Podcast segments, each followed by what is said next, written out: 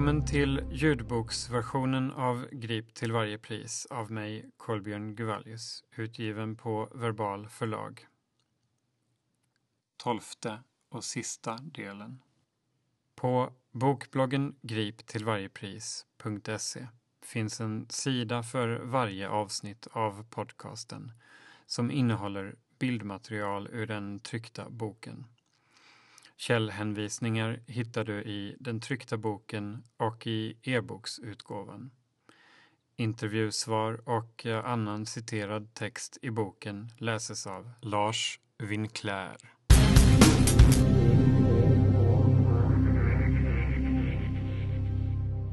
Utredning bekräftar uppgifter. Den 23 september 2014 presenteras Mannheimer Swartlings utredning av SLs roll i CSG-härvan för landstingets trafiknämnd. Den bekräftar på avgörande punkter att lagbrott sker systematiskt och att CSG har ljugit i tidigare uttalanden. Och även om den inte kan leda allt som påstås i bevis, vilket inte heller har varit syftet, det har endast varit att granska SL, avfärdar den inte heller någonting av det som har tagits upp i Grip till varje pris, som tillsammans med mina övriga artiklar hör till de huvudsakliga informationskällorna. Inte på någon punkt landar utredningen i att uppgifterna i Grip till varje pris har varit felaktiga. Snarare tvärtom. Det kan konstateras att ett flertal av de uppgifter som framkommit i media och annan rapportering framstår vara underbyggda på ett sätt som gör att de inte utan vidare kan eller bör avfärdas. SL förnekar i utredningen kännedom om några olagliga metoder, annat än de som gäller den dolda bevakning som Jeanette Hegedus redan har bekräftat. Men i utredningen träder en ännu tydligare bild fram av hur den dolda bevakningen fungerar och anledningen till den. Erkänner strategin med bevittnade brott. Den dolda bevakningen har varit en del av SLs upphandlingsunderlag 2011 för väktartjänsterna. Denna del har dock inte offentliggjorts tidigare eftersom SL vid utlämnande av handlingarna har hänvisat till sekretess. Men det står alltså nu helt klart att både SL och CSG är medvetna om och sanktionerar att väktarna, som systematiskt utarbetad strategi, gömmer sig i syfte att bevittna brott istället för att förebygga att de sker. Detta står i direkt strid med reglerna för bevakningsföretag enligt Rikspolisstyrelsens bedömning eftersom det inte är brottsförebyggande. Ur utredningen. I sitt anbud i upphandlingsprocessen redogjorde CSG för sitt arbete med dold bevakning och att dold bevakning i kombination med synliga väktare har varit en effektiv metod som har minskat skadegörelsen i SLs anläggningar. Den dolda bevakningen beskrevs ha utvecklats baserat på den erfarenhet som SL-uppdraget hade gett.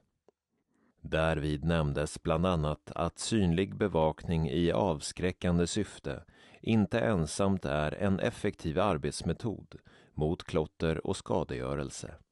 Följande är ett utdrag ur CSGs anbud. Citat. Lösningen för detta var bland annat en kombination av synliga och dolda resurser.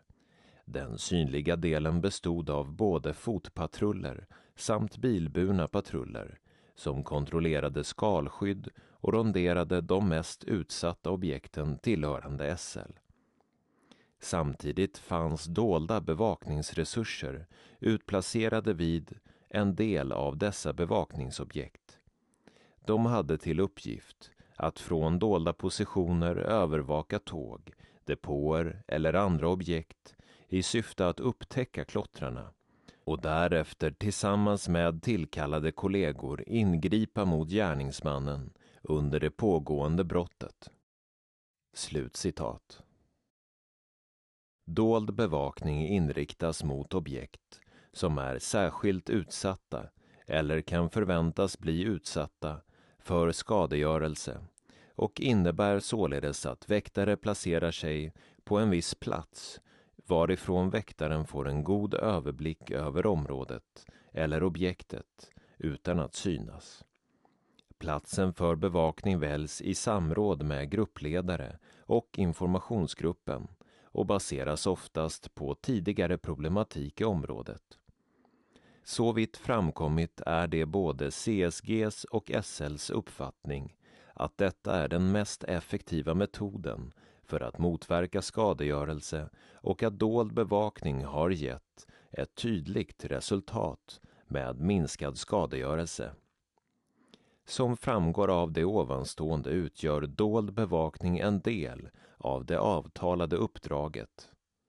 Enligt SL tillåts dold bevakning av SLs anläggningar från olika positioner, både inom och i anslutning till SLs anläggningar och infrastruktur. Exempel på dold bevakning som kan förekomma är dold bevakning av uppställningsplatser, insidesbevakning av vagnar från tomma förarhytter och bevakning av kända skadeplatser via trygghetskameror. CSG erkänner alltså rakt ut att de erbjuder en tjänst som enligt Rikspolisstyrelsen inte är i enlighet med god sed i bevakningsbranschen och därför otillåten. Och SL beställer denna tjänst trots att de med sin historiska erfarenhet av CSG Falk-skandalen mycket väl bör veta vad som gäller. Men SL har alltså valt att beställa en tjänst där den fundamentala regeln att bevakningsföretag ska verka brottsförebyggande inte följs. Utredningen konstaterar mycket riktigt. Det kan framstå som logiskt och motiverat i enlighet med uppdragets målsättningar som bland annat rymmer att minimera och motverka skadegörelse att arbeta för att säkerställa tillräcklig bevisning som kan leda till fällande domar om detta leder till en större effekt för att minska skadegörelsen än vad som kan uppnås genom att avbryta och avvisa personer och detta inte leder till annat än att de klottrar på en annan plats istället. Om strategin fungerar går inte att veta. Men att någon anser att någonting är logiskt motiverat betyder inte att det är tillåtet. Utredningen konstaterar också att metoden inte stämmer överens med uppdragets punkt om att förebygga brott och hålla människor utanför otillåtet område. SL och CSG har en uttalad strategi att avvakta med ingripanden för att säkerställa tillräcklig bevisning för att uppnå fällande domar. Det kan därför konstateras att den strategi som CSG tillämpar att avvakta med gripande är sanktionerad av SL.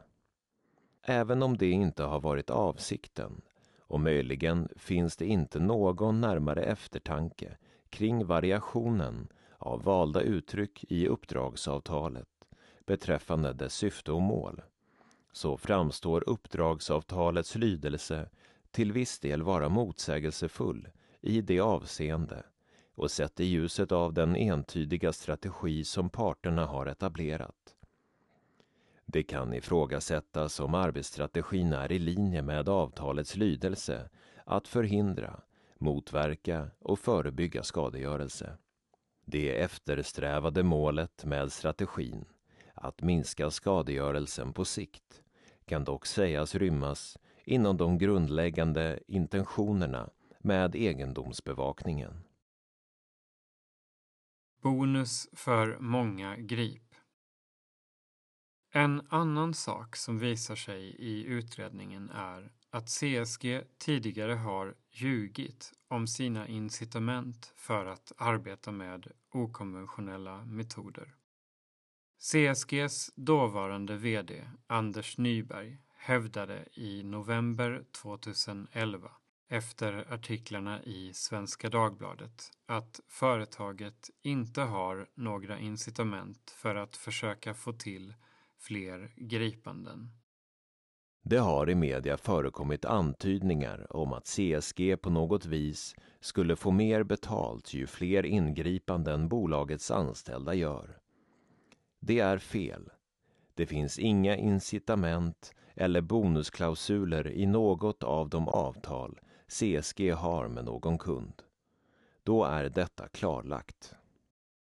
I de sekretessbelagda delarna av avtalet mellan SL och CSG framgår det dock enligt utredningen att företaget, tvärt vad dess VD har hävdat, har precis en sådan möjlighet till bonus som de har förnekat.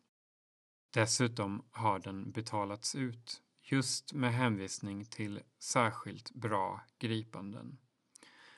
CSG har fått 730 000 kronor i bonus bara det senaste året. CSGs ersättning under uppdragsavtalet består av en fast årlig ersättning och en möjlighet till en incitamentsersättning, bonus. Beträffande bonus kan sådan utgå som incitamentsersättning till CSG för att främja ett aktivt arbete för förbättringar inom uppdraget och vidareutveckling av verksamheten på ett sätt som genererar mervärde. SL har beslutat om bonus till CSG vid sammanlagt tre tillfällen mellan april 2013 till maj 2014 om sammanlagt 730 000 kronor för arbete som anses ha genererat någon form av mervärde till SL.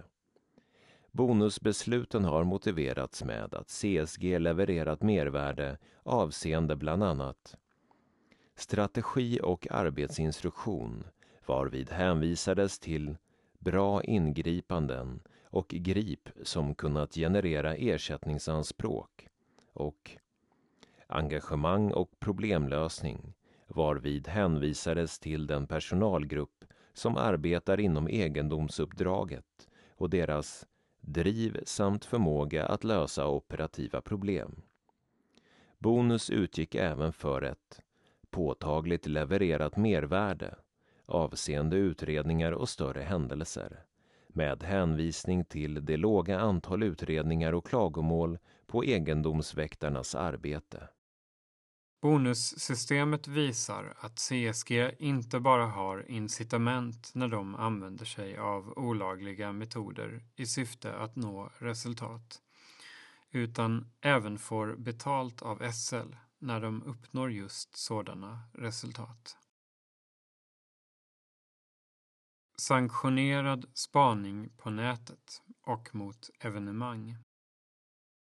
Det framgår också av utredningen att CSG med SLs medgivande bedriver spaning både på internet, bland annat på sociala medier och i publika sammanhang i syfte att kartlägga graffitikulturen. Det vill säga något helt annat än sedvanlig egendomsbevakning som mer liknar vad en detektivbyrå skulle kunna arbeta med. Informationsgruppen ska även i övrigt hålla SL och sin egen organisation uppdaterade om inträffade och kommande händelser och förväntad utveckling genom att till exempel aktivt söka efter, inhämta och analysera information från relevanta källor såsom sociala medier. Informationsgruppen kan även vid behov inhämta information genom platsbesök i SLs anläggningar och vid evenemang utanför SLs anläggningar för att bedöma behovet av allokering av väktarresurser till specifika platser inom SLs bevakningsområde. Civila väktare har förekommit. Utredningen konstaterar att det står helt klart att civilklädda väktare har använts, åtminstone vid ett fåtal tillfällen, men att omständigheterna kring de klarlagda fallen inte är sådana att de nödvändigtvis tyder på en systematik. Utredningen berör bland annat gripanden som väktare har gjort på fritiden. Åtminstone vid ett tillfälle har en väktare ingripit civilklätt på fritiden, hört av sig till kollegor som anslutit varefter den gripande väktaren har fått lön för den nedlagda arbetstiden samt skrivit en rapport i efterhand under arbetstid. Om detta är systematiskt, vilket inte har gått att säkerställa för utredarna, skapar det sannolikt incitament för enskilda väktare att frilansa och ger ett resultat där de i allt väsentligt är i tjänst när de genomför sådana civila gripanden. Det systematiska arbetet med civilklädda väktare som grip till varje pris belägger genom polisanmälningar och vittnesmål bekräftas inte i den här utredningen. Men det ligger också huvudsakligen bortom utredningens syfte. SL tycks ha nonchalerat avslöjandet 2011. Enligt utredningen har CSG inte utfört de avtalsenliga externa egenkontroller av verksamheten som ska göras två gånger om året. Detta har SL känt till men inte krävt några åtgärder kring. Utredningen lägger särskild vikt vid att SL inte har krävt någon förbättring på punkten trots den negativa historik som finns kring klotterbevakningen. Att SL under flera år underlåtit att kräva rättelse från CSG i detta avseende kan inte betraktas som annat än en brist som föranleder viss kritik mot SL avseende förvaltningen och uppföljningen av uppdraget i förhållande till CSG. Särskilt mot bakgrund av den historia med uppgifter om otillåtna arbetsmetoder, riktiga eller oriktiga, som präglat egendomsbevakningen. Det har, utöver den av SL beställda utredningen, under sommaren 2014 också visat sig att SL inte verkar ha lagt någon större vikt vid avslöjandet i Svenska Dagbladet 2011 och 2012. Jeanette Hegedus på SL har hävdat att SL tog anklagelserna på allvar och utredde dem. Men vid en kontroll mot landstingets diarium visade sig att ingen sådan utredning finns registrerad. Allt som tycks finnas registrerat är några e-postmeddelanden mellan företagen. Inget i Grip till varje pris anses vara felaktigt. Ingenstans landar Mannheimer Swartlings utredning i att uppgifterna i Grip till varje pris skulle vara felaktiga. Ibland når utredningen inte tillräckligt långt för att för egen del säkert bekräfta uppgifter. Och eh, eftersom ord ibland står mot ord påpekar utredningen att uppgifterna i boken måste betraktas med stor försiktighet och inte ensamt kan ligga till grund för något konstaterande om otillåtna metoder, då mycket förnekas av både SL och CSG. Därför påpekar advokatbyrån att vidare utredning krävs och hänvisar till de utredningar som pågår hos Länsstyrelsen och Datainspektionen. Slutet. Vad händer nu? Att granska privata företag och få hela bilden klar för sig är i princip omöjligt så länge företagen själva inte lägger korten på bordet. CSG har, när de har granskats, varit måna om att ha en polerad sida utåt, där Rikspolisstyrelsens regler sägs följas till punkt och pricka. Så var det innan den första upplagan av Grip till varje pris publicerades och så är strategin ännu, trots allt som har avslöjats i boken. CSGs VD svarade i förväg avvisande på de generella frågor som ringar in alla regelbrott som tas upp i den här boken. Han har vidhållit sitt nekande såväl inför mina egna uppföljande frågor som han motvilligt har svarat kortfattat på som i intervjuer med andra medier. Men den systematik som står att finna bara genom att göra stickprov i polisanmälningar är omöjlig att förneka. Det går inte att säga att det är enskilda fall när någonting händer upprepade gånger år efter år. Det går inte att säga att någonting är historia när brott sker även efter att boken har aviserats och publicerats. Stickproven från 2013 och 2014 visar att CSG fortfarande bedriver spaning över hela Stockholms län och låter brott pågå innan de ingriper. I många av stickproven är det dessutom orimligt att anta att all medverkande personal är uniformerad, även om det inte längre framgår av polisanmälningarna att de jobbar civilt. Vittnesmål som Ivans, med tillhörande video, visar att CSG fortfarande sommaren 2013 punktmarkerar personer på samma sätt som CSG Falk gjorde. Gripandet av Kasper visar att väktare från CSG hösten 2013 även griper i civila kläder och troligen ljuger i vittnesförhör. De brutala gripandena av Marie respektive Love sommaren 2014 med efterhandskonstruktioner inför polisen är djupt oroväckande. Fotoregistret över misstänkta klottrare finns och har belagts i två kopior som var för sig kan kopplas till olika personer i företaget, trots att CSG har förnekat dess existens. Inget talar emot att det fortfarande används. Oliver hävdar att väktare från CSG återigen försökte fotografera honom så sent som februari 2012. Såväl Marco som David, informationssamordnare på CSG som har hanterat de kopior av registret som jag har kommit över, arbetar fortfarande i företaget.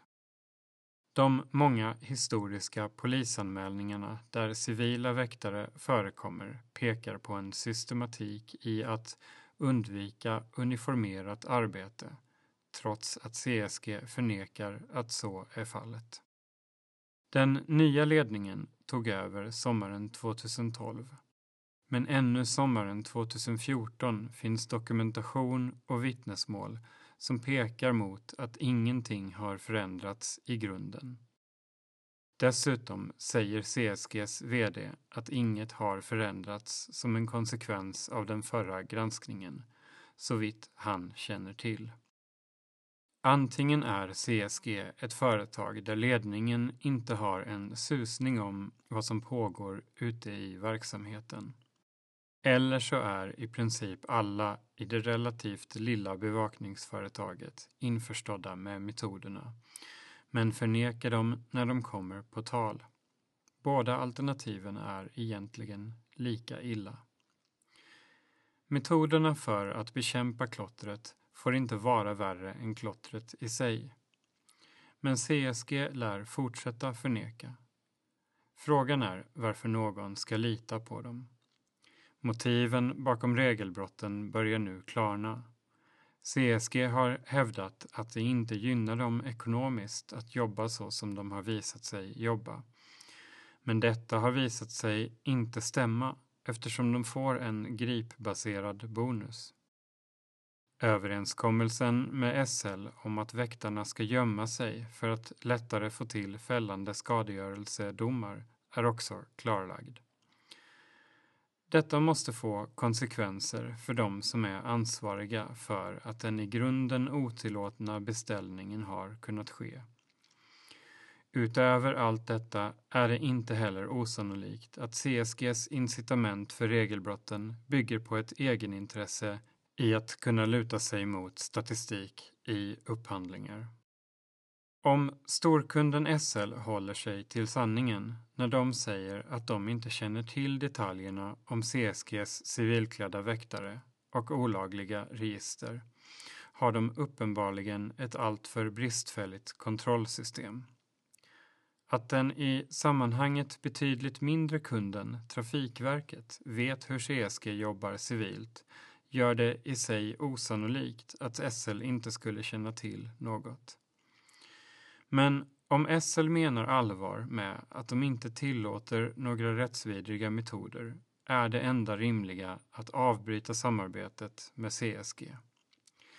När SLs trygghetsansvarige Jeanette Hegedus intervjuades inför den första upplagan av boken var hon åtminstone utåt sett inne på att avtalet kunde brytas om något avgörande otillåtet avslöjades. Så här sa hon då. Finns det saker som strider mot grundavtalet så kan avtalet hävas eller sägas upp. Men jag har stort förtroende för att våra leverantörer alltid gör ett bra jobb tills motsatsen kan bevisas. Om det skulle framkomma att otillåtna metoder förekommer ska detta granskas. Det gynnar varken SL, samhället eller CSG om otillåtna arbetssätt förekommer. Uttalandet förpliktigar, men klingar ihåligt i förhållande till att Jeanette Hegedus redan vet att CSG arbetar avtalsstridigt och regelstridigt genom att de låter obehöriga uppehålla sig på spårområdet. Hon vet också att syftet med det är att de ska kunna bevittna brott för att uppnå fällande domar. En metod som står i strid med reglerna för bevakningsföretag. De nya vittnesmål om hennes kunskaper som har tillkommit stärker misstankarna om att hon är införstådd med ännu fler detaljer. Det är märkligt att CSGs ägare, den internationella kollektivtrafikkoncernen Keolis, vill bedriva bevakningsverksamhet som bryter mot alla upptänkliga regler. Det sätter hela koncernens förtroende på spel att de har ett dotterbolag som CSG och inte stoppar verksamheten. Det är allvarligt att landstingets skattepengar finansierar en så omfattande rättsvidrig verksamhet som CSGs. Det är allvarligt att det trots olika granskningar har tillåtits pågå i snart två decennier.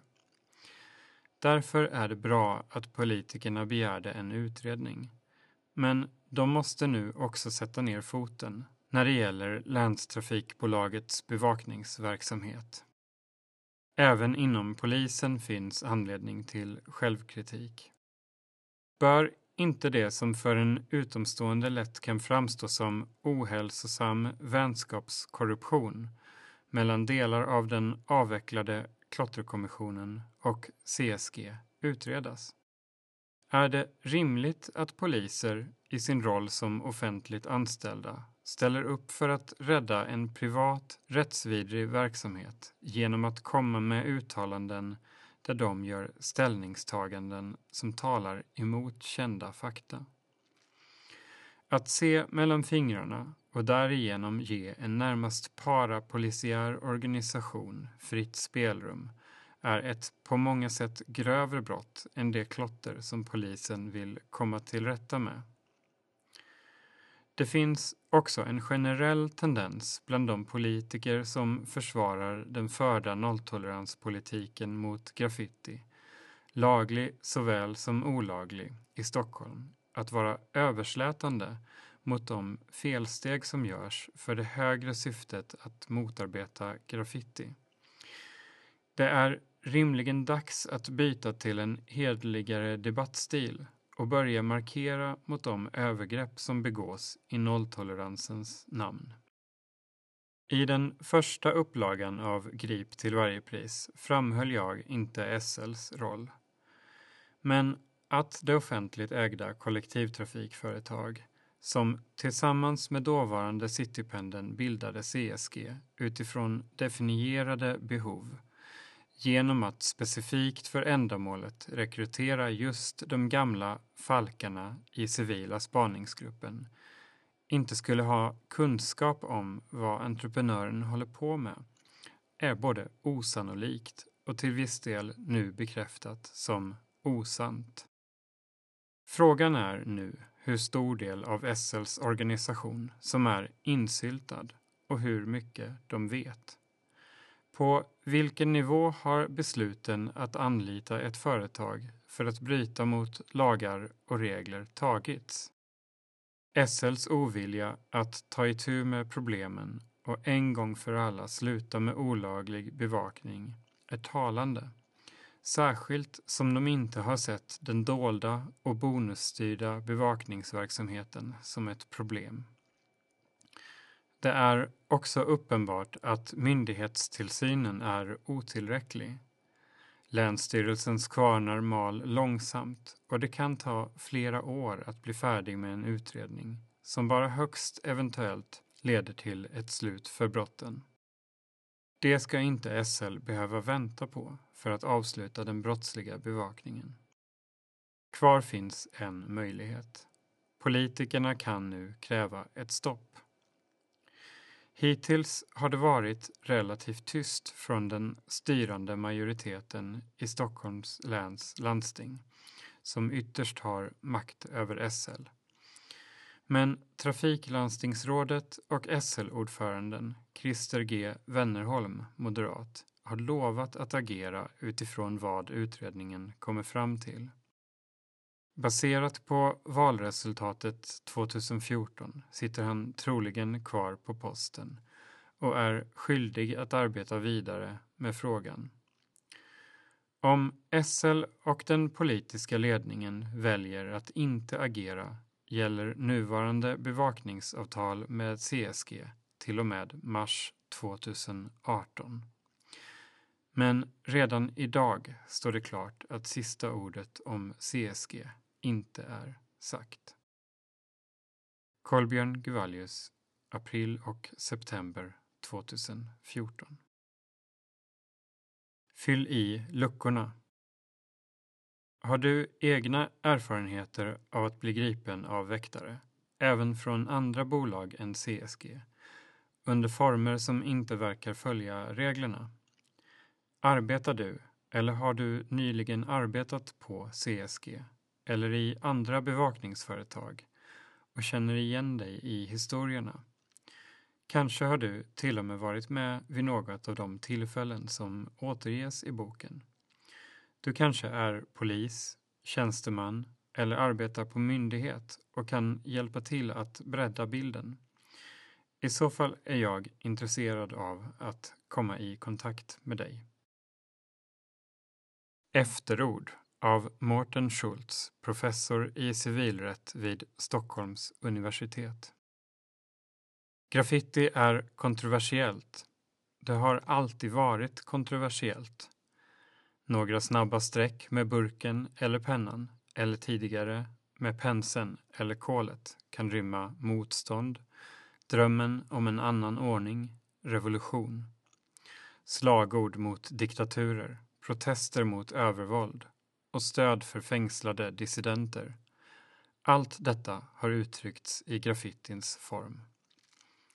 Konst som vill slå uppåt, vilket graffiti ofta gör, provocerar. I diktaturer är det inte så förvånande.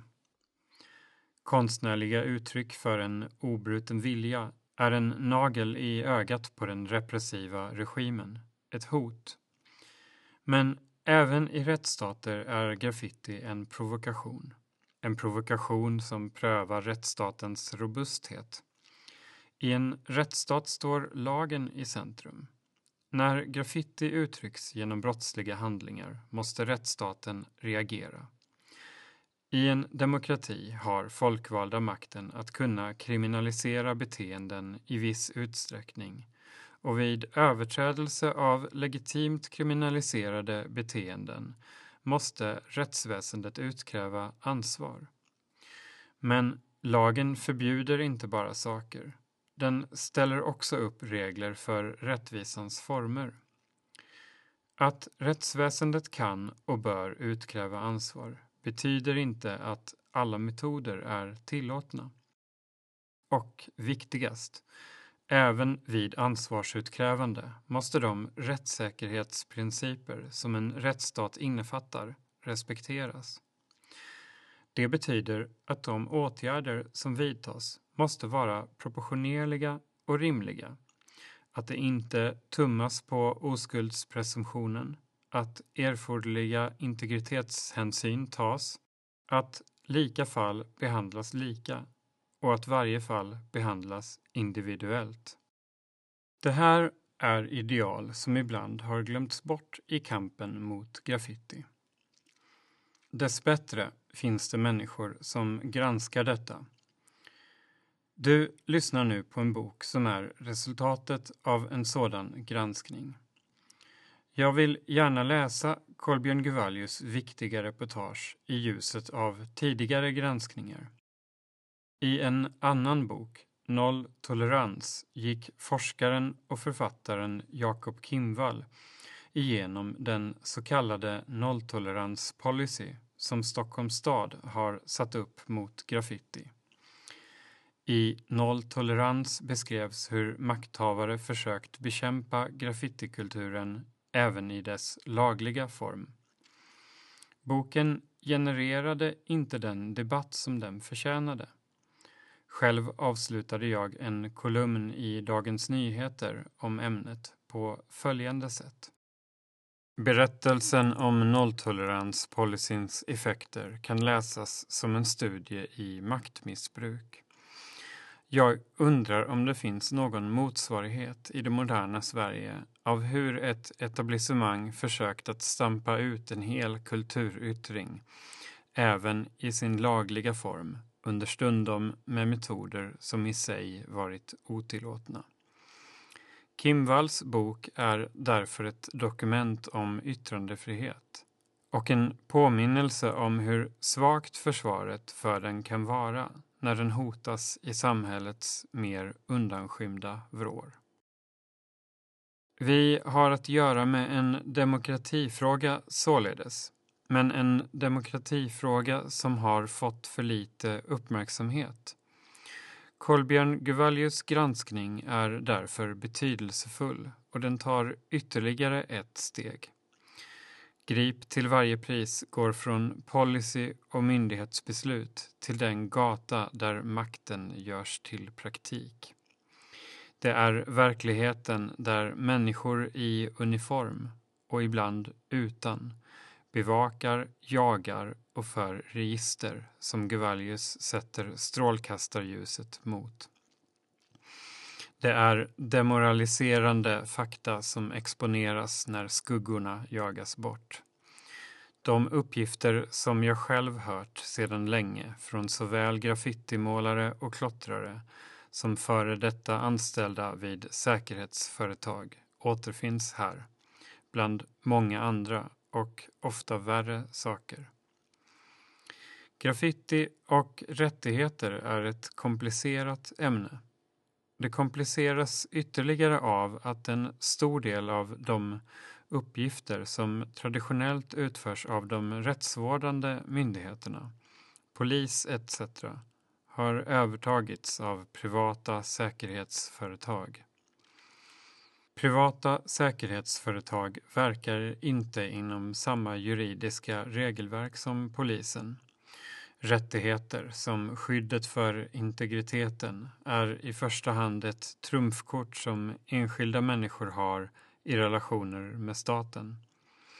Men integritetsskyddet och andra rättigheter har relevans även när ordningsmakten utövas av privata företag. Det återspeglas även i vanlig lag. Rättighetsaspekten är viktig. I graffiti ryms yttrandefriheten, integritetsskyddet, oskuldspresumtionen, men också egendomsskyddet och det allmännas intressen. Alla dessa rättigheter och intressen har betydelse för hur vi, samhället, ska betrakta detta uttryckssätt och eh, åtgärderna mot det i sina lagliga och brottsliga former. Guvallius verk är en självklar referenspunkt i denna diskussion. Vi har att göra med en demokratifråga, hävdade jag nyss. Det är stora ord. Etablissemanget har nog ofta svårt att betrakta graffiti eller klottret på detta sätt. Texten på väggarna faller i samma fack som spam eller pornografi. Visserligen yttranden, men inte yttranden av det slag som förtjänar att diskuteras i högstämda termer av rättigheter och rättvisa.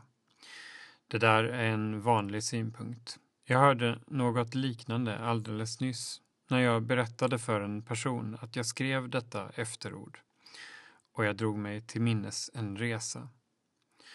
Jag bodde för något år sedan på Potsdamer Platz i Berlin. Potsdamer Platz är idag det välmående Tysklands triumf. Skyskrapor, det futuristiska Sony Center och lyxhotell. Det var på ett av dessa lyxhotell jag bodde med mina barn för att fira en sak.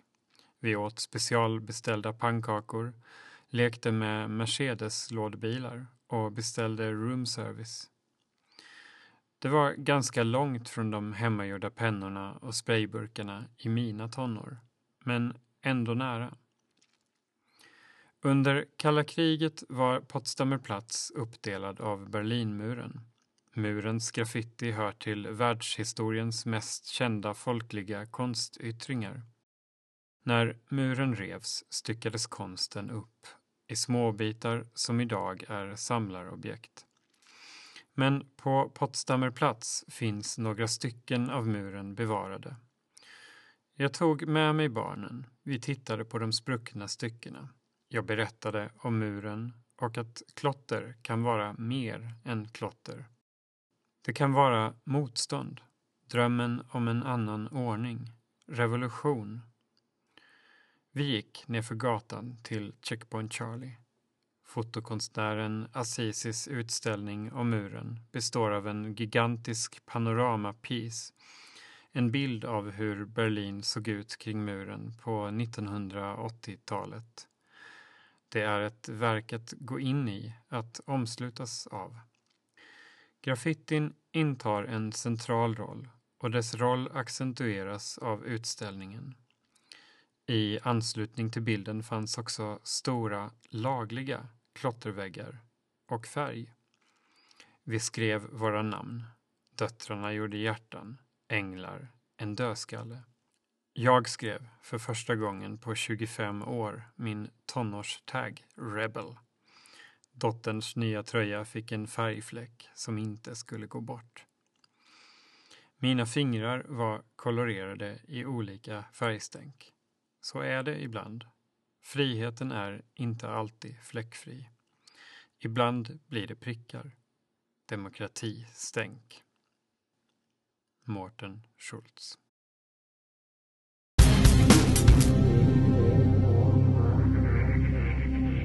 Efter boken Sedan Grip till varje pris och den uppföljande e-boken Förneka till varje pris publicerades har praktiskt taget ingenting förändrats på SL.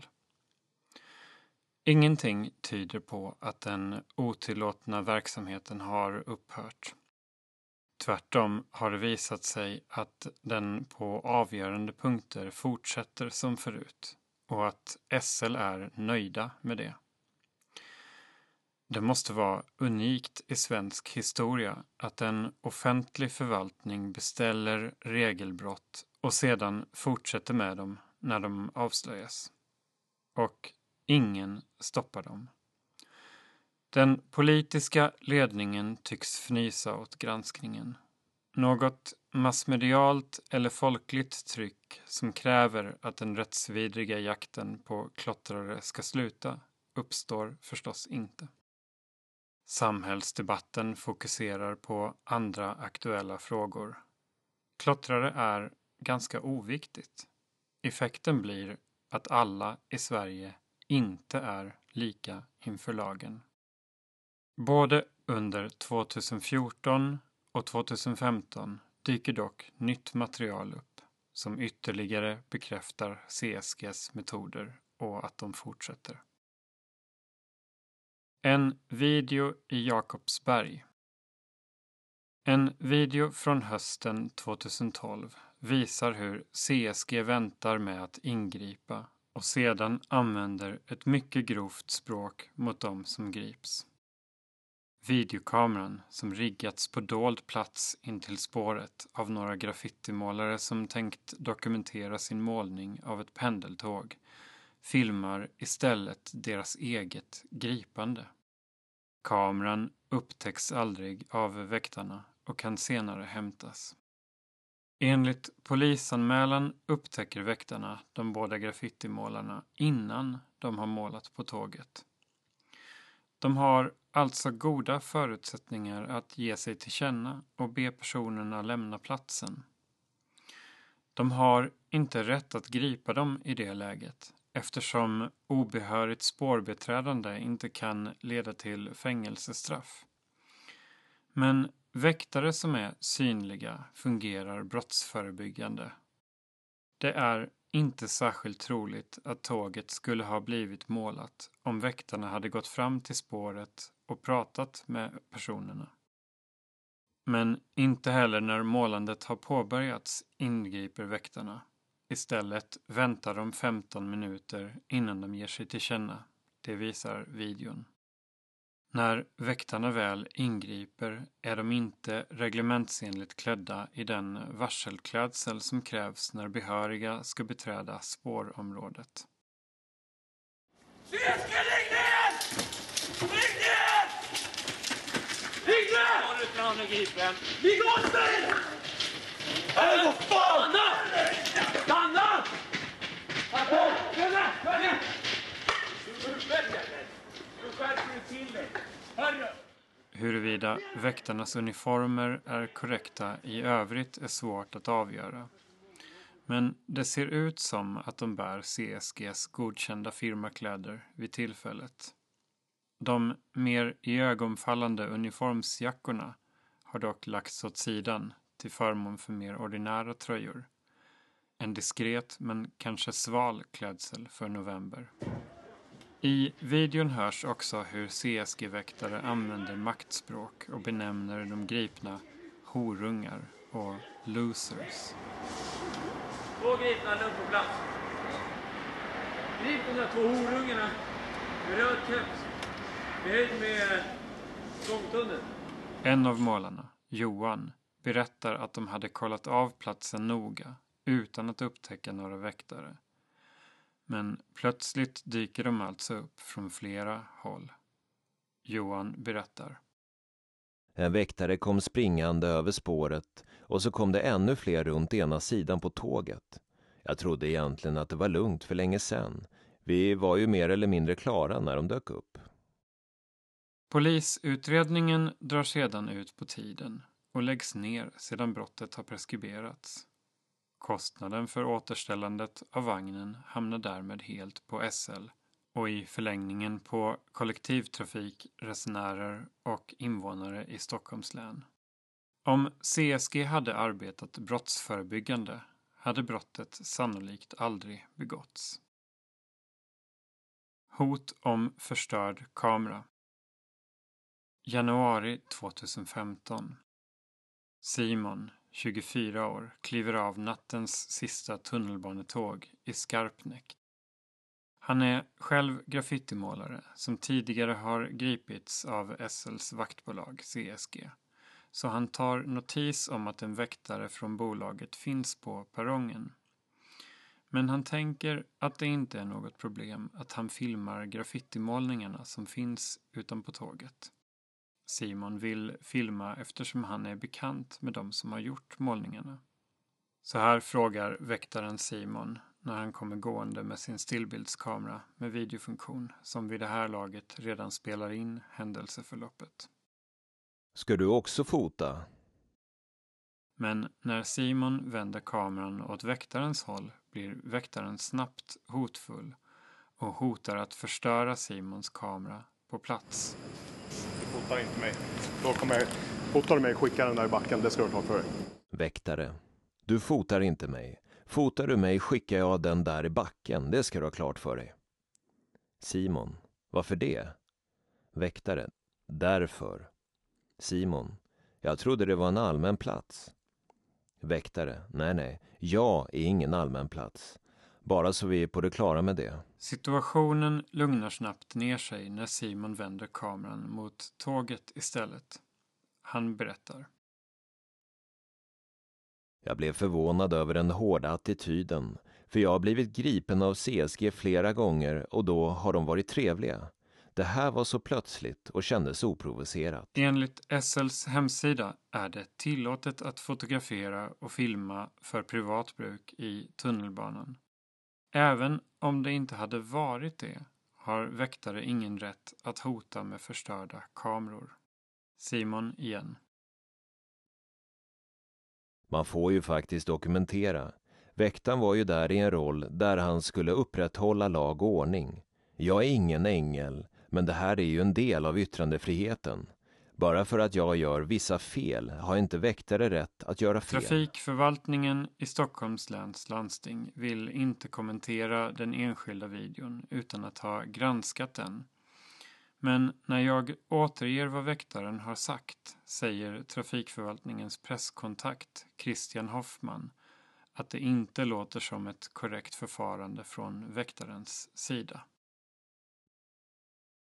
De ordvalen vill vi inte att vår personal använder, utan man kan säga till på ett snyggare sätt om man inte vill vara med på foto. Om man får en kamera i ansiktet är det kanske inte så trevligt, men man kan alltid snällt be att inte få vara med på bild. Det är en uppmaning alla kan använda, även väktare i SL-trafiken. Det som gäller i tunnelbanan är det som gäller allmänt. Alla har ju rätt att filma på allmän plats. Idag har ju nästan alla smartphones och så med kameror, så det händer att folk filmar olika typer av händelser i tunnelbanan och det är nästan vardag idag. En väktare som jobbar i offentlig miljö ska kunna hantera en sån situation. Datainspektionens utredning läggs ner. I februari 2015 meddelar Datainspektionen att de inte hittar något olagligt fotoregister hos CSG. Men utredningen bygger även den här gången uteslutande på svar från företaget. Medieuppgifter väger lätt i sammanhanget och allt CSG behöver göra är att neka till registrets existens för att utredningen ska läggas ner. Datainspektionen har inte befogenhet att göra husrannsakan hemma hos informationsgruppens medarbetare i jakt på de USB-minnen som enligt mina uppgifter ska finnas där. Det är verkligen ett vattentätt brott att förneka det här registret. Ingen kommer någonsin att ställas till svars för det. De civila bilarna byts ut. Några månader efter att Grip till varje pris kommer ut säljer eller skrotar CSG samtliga civila bilar. Idag ägs bilarna av privatpersoner, bilhandlare eller bildemonteringar runt om i landet. Eller är helt avregistrerade. Från att ha ägt 34 bilar äger CSG idag bara en EU-moped. De fordon som används av företaget ägs sannolikt genom andra bolag idag. Den otillåtna bevakningen fortsätter. Mars 2015. På taket till Farsta brandstation sitter väktare från CSG. I skydd av mörkret spanar de osedda över gatan mot Hökarängens tunnelbanestation knappt hundra meter bort. Hit upp har de kommit ett antal nätter med hjälp av personalen på brandstationen. Enligt en källa ska väktarna även ha lånat brandmännens uniformer och utfört bevakning i närområdet medan de har gett sken av att arbeta för brandförsvaret. I ett brev från CSG till brandstationen framkommer att CSG använder olika externa lokaler för sin bevakning av SLs område. Så här står det i brevet. För att kunna bedriva bevakningen ändamålsenligt och effektivt söker CSG ibland överenskommelse med fastighetsägare för tillgång till lokaler som kan gynna bevakningen. CSG önskar om möjligt tillgång till överenskommen lokal dygnet runt, men främst under trafiktid för tunnelbanan. CSG önskar tillgång till lokalen tills vidare. Enhetschefen Mårten Fransén på Farsta brandstation bekräftar att bevakningen har ägt rum. Men han säger att den nu är avslutad. Enligt honom pågick den i någon månad. Brevet från CSG är författat på hans begäran. Det står också att CSG beträder taket på egen risk. Mårten Fransén berättar. De har fått låna ett tak av oss. Jag ville ha ett underlag som fråntog oss ansvaret om någon skulle göra sig illa när de klättrar upp där. Eftersom CSG har en historia av att ha använt civilklädda väktare är uppgiften om att de ska ha klätt ut sig till brandmän anmärkningsvärd. Men Mårten Fransén känner inte till något om lånade uniformer. Nej, varför skulle de ha fått det? Jag känner inte till det och har inte hört talas om det heller. Det finns ingen anledning att klä ut någon till brandman som inte är det. Driftchefen Johan Dahlin på CSG som har skrivit brevet till brandstationen vill inte kommentera det utan hänvisar till VD Patrik Strandberg som inte vill svara på frågor på telefon men via mail hälsar att CSG tillämpar den arbetsmetod som är mest lämplig för respektive uppdrag inom ramen för de regler och lagar som styr verksamheten. SL bekräftar att väktarna från CSG fortsätter att gömma sig på direkt uppdrag av kollektivtrafikbolaget. Det berättar Christian Hoffman på Trafikförvaltningen. Vi arbetar med både synliga och dolda väktare och ser inget konstigt med att de sitter i anslutning till platsen och bevakar våra objekt. Exakt hur CSG väljer att göra det är upp till dem. Att väktare faktiskt inte får bedriva dold spaning bekymrar varken företaget eller uppdragsgivaren.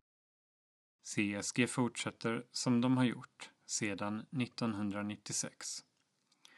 Och Storstockholms lokaltrafik, en offentlig förvaltning finansierad med skattepengar, känner till och står bakom allt sammans eller nästan allt.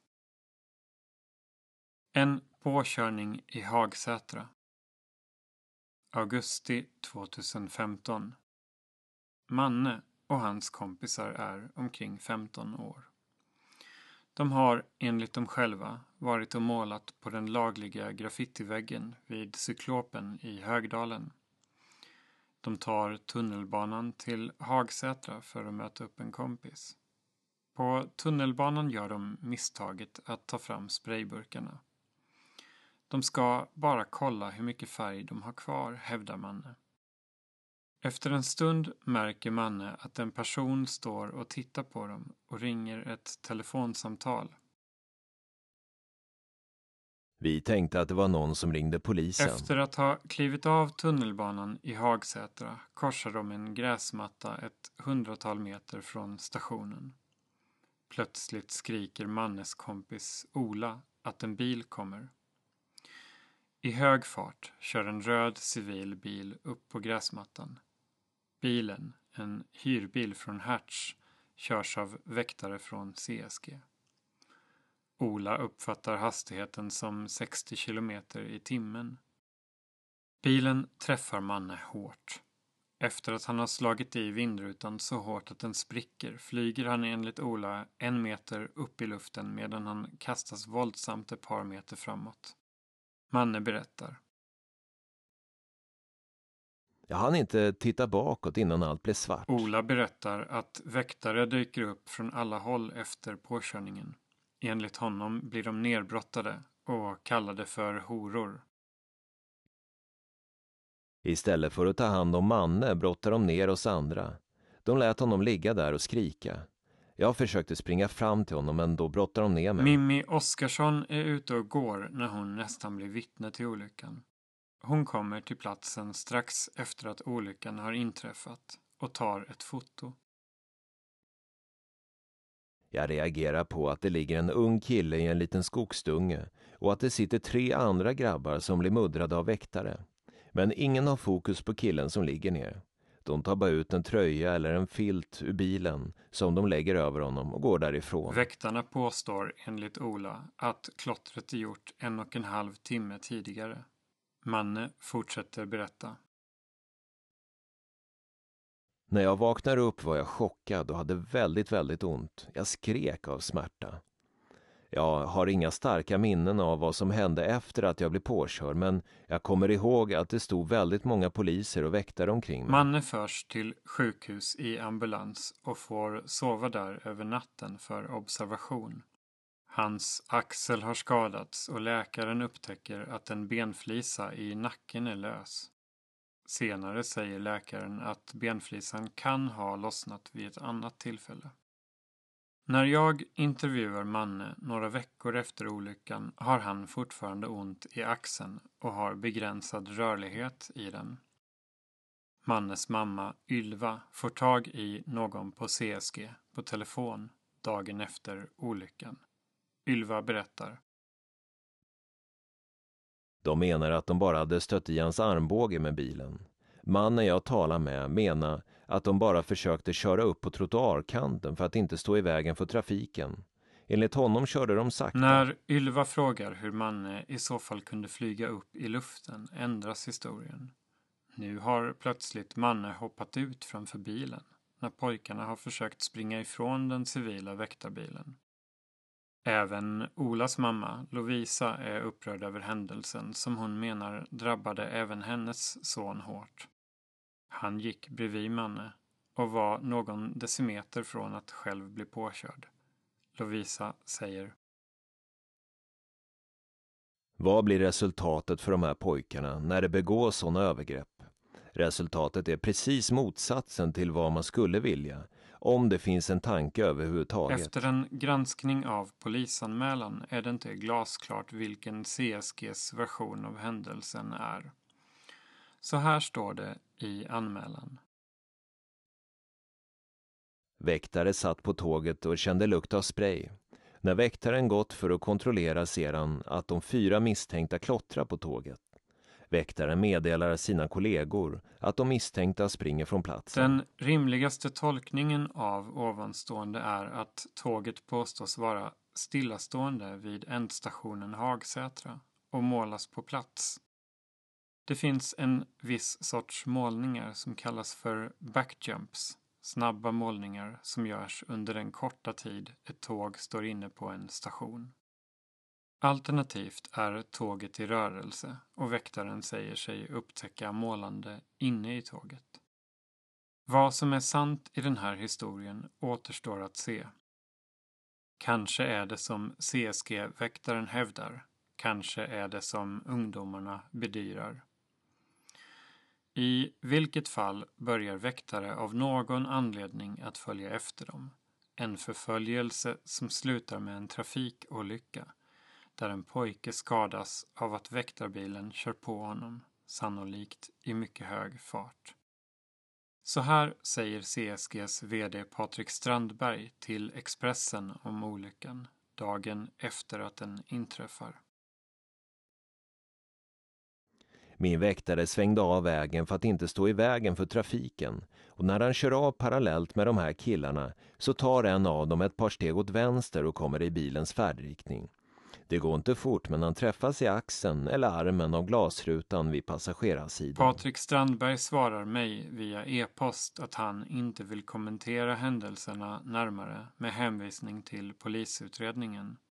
Men han kallar incidenten för en tragisk olyckshändelse och skriver att den har utretts internt inom företaget. Patrik Strandberg anser inte att det är lämpligt att väktare jagar misstänkta ungdomar i rullande fordon. Jag frågar honom varför en civil bil användes vid bevakningstillfället och får till svar att de dekorerade firmabilarna var upptagna på andra uppdrag, vilket mycket väl kan stämma. Varför CSG inte tycks ha tillräckligt många dekorerade firmabilar utan ofta måste köra civila hyrbilar är en öppen fråga. Polisen upprättade på plats en anmälan om vårdslöshet i trafik mot väktaren som körde på Manne. Mannes familj överväger att själva lämna in en anmälan med anledning av påkörningen. Fortsatt dold spaning leder till att fler brott begås. Av allt att döma fortsätter CSG som tidigare att bedriva dold spaning i syfte att gripa, inte förebygga brott. Trots att det har konstaterats vara en otillåten bevakningsmetod. Juli 2015. Natt mot onsdag. Charlie, 25 år, och Axel, 31, befinner sig vid eh, uppställningsplatsen för pendeltåg i Västerhaninge. Hit har de kommit för att måla olagligt på ett av pendeltågen. Allt är lugnt och stilla. Men Charlie och Axel tar det ändå försiktigt när de rör sig på platsen. De vet att det kan finnas väktare någonstans i närheten som övervakar dem. Efter att ha kontrollerat tågen bestämmer de sig för att avbryta. Charlie tycker att han har sett något skumt i förarhytten. Men på väg därifrån bestämmer de sig enligt Charlie för att gå tillbaka och titta ordentligt. Den andra gången verkar kusten vara klar. De lämnar tåget ännu en gång och går till platsen där de har lagt sina sprayburkar för att hämta dem. Vad de inte vet är att de nu, på väg tillbaka till tåget med sprayburkarna, för femte gången har passerat ett par meter framför CSG-väktarnas gömställe i några buskar. Väktarna har haft gott om tid på sig att konstatera att någonting lurt är i görningen. Det är rimligt att ett vaktbolag som ska se till att SLs egendom inte skadas går fram och pratar med eventuella mystiska figurer som rör sig på spårområdet på natten. Men istället för att ge sig till känna och därmed avstyra ett möjligt brott väljer de att ligga gömda och låta brottet begås. Charlie berättar. Tre CSG-väktare låg alltså och tittade på oss. Vi gick förbi dem fem gånger på ett par meters avstånd utan att de stoppade oss. Mångårige CSG-medarbetaren Adrian gömmer sig i buskarna, inte långt från spåren. Enligt polisens vittnesförhör upptäcker han klockan 03.08 två män som går och tittar in i tågen. Det ser ut som att de försöker ta reda på om de är tomma säger han. Enligt förhöret betraktar han mycket riktigt hur männen rör sig bort från tåget och återkommer med varsin påse. Först klockan 03.17, nio minuter efter att de har upptäckts och Adrian har haft gott om tid på sig att konstatera att de sannolikt är graffitimålare, börjar de måla på tåget. Adrian befinner sig bara ett stenkast bort och har goda möjligheter att ge sig till känna för att stoppa ett eventuellt målande. Han har kollegor på plats och det förekommer ingen tågtrafik vid den här tidpunkten. Det är alltså sannolikt mycket riskfritt att gå fram och markera att det finns väktare på platsen och på så vis undvika att tåget målas. Klockan 03.26 är målningen färdig och väktarna bestämmer sig för att gripa Charlie och Axel, som är inringade. Gripandet går lugnt till, men sedan ser Charlie någonting mystiskt. Efter ett tag så noterar jag även att en CSG-kille stod med sin telefon i en väldigt skum vinkel. Nästan som om han försökte fotografera mig. Därefter gick han och en kollega iväg en bit och stod och kollade på något i telefonen och skrattade lite och tittade mot mig. Jag tror att han tog ett foto. När Charlie släpps efter att polisen har anlänt och förhört honom ser han tre CSG-väktare komma gående med stora väskor. De hade varit i sin buske och hämtat allt de hade där. Det kändes som att det var utrustning för att kunna ligga och spana en hel natt. Den rättsvidriga bevakningen i Stockholms tunnelbana lär fortsätta. 2016 firar den 20-årsjubileum. SL vet om den och vill ha det så, medan omvärlden fortsätter blunda.